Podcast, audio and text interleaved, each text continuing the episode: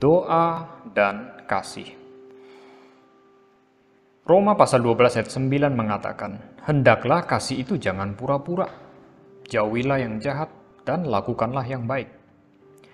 Janganlah berdoa tanpa perasaan atau cepat lelah bila berdoa. Kita bukan hanya bersikap baik kepada teman-teman dan saudara seiman, melainkan juga sebagai orang Kristen kita tidak boleh menyimpan kemarahan terhadap musuh. Ketika saudara kita membutuhkan bantuan, kita sanggup memenuhinya. Kita harus menolongnya. Bersiaplah menjamu orang-orang yang berbuat baik setiap kali ada kesempatan. Kita harus siap memberi tumpangan, memberkati, jangan mengutuk. Ini berarti sungguh-sungguh berniat baik, bukan hanya memberkati mereka ketika sedang berdoa dan mengutuk mereka di lain waktu, tetapi selalu memberkati mereka dan tidak pernah mengutuk mereka. Kasih Kristen yang benar akan membuat kita ikut merasakan kesedihan dan sukacita satu sama lain. Berusahalah sedapat mungkin untuk sepakat dalam kebenaran rohani yang sama.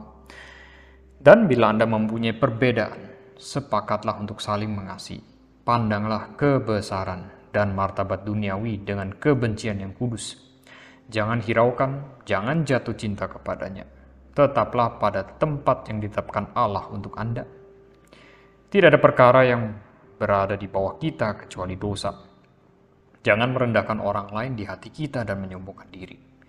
Jangan biarkan kejahatan apa pun terhadap Anda mengalahkan Anda atau mengganggu hati Anda sehingga merusak damai sejahtera Anda, merusak kasih Anda, mengganggu dan mengacaukan roh Anda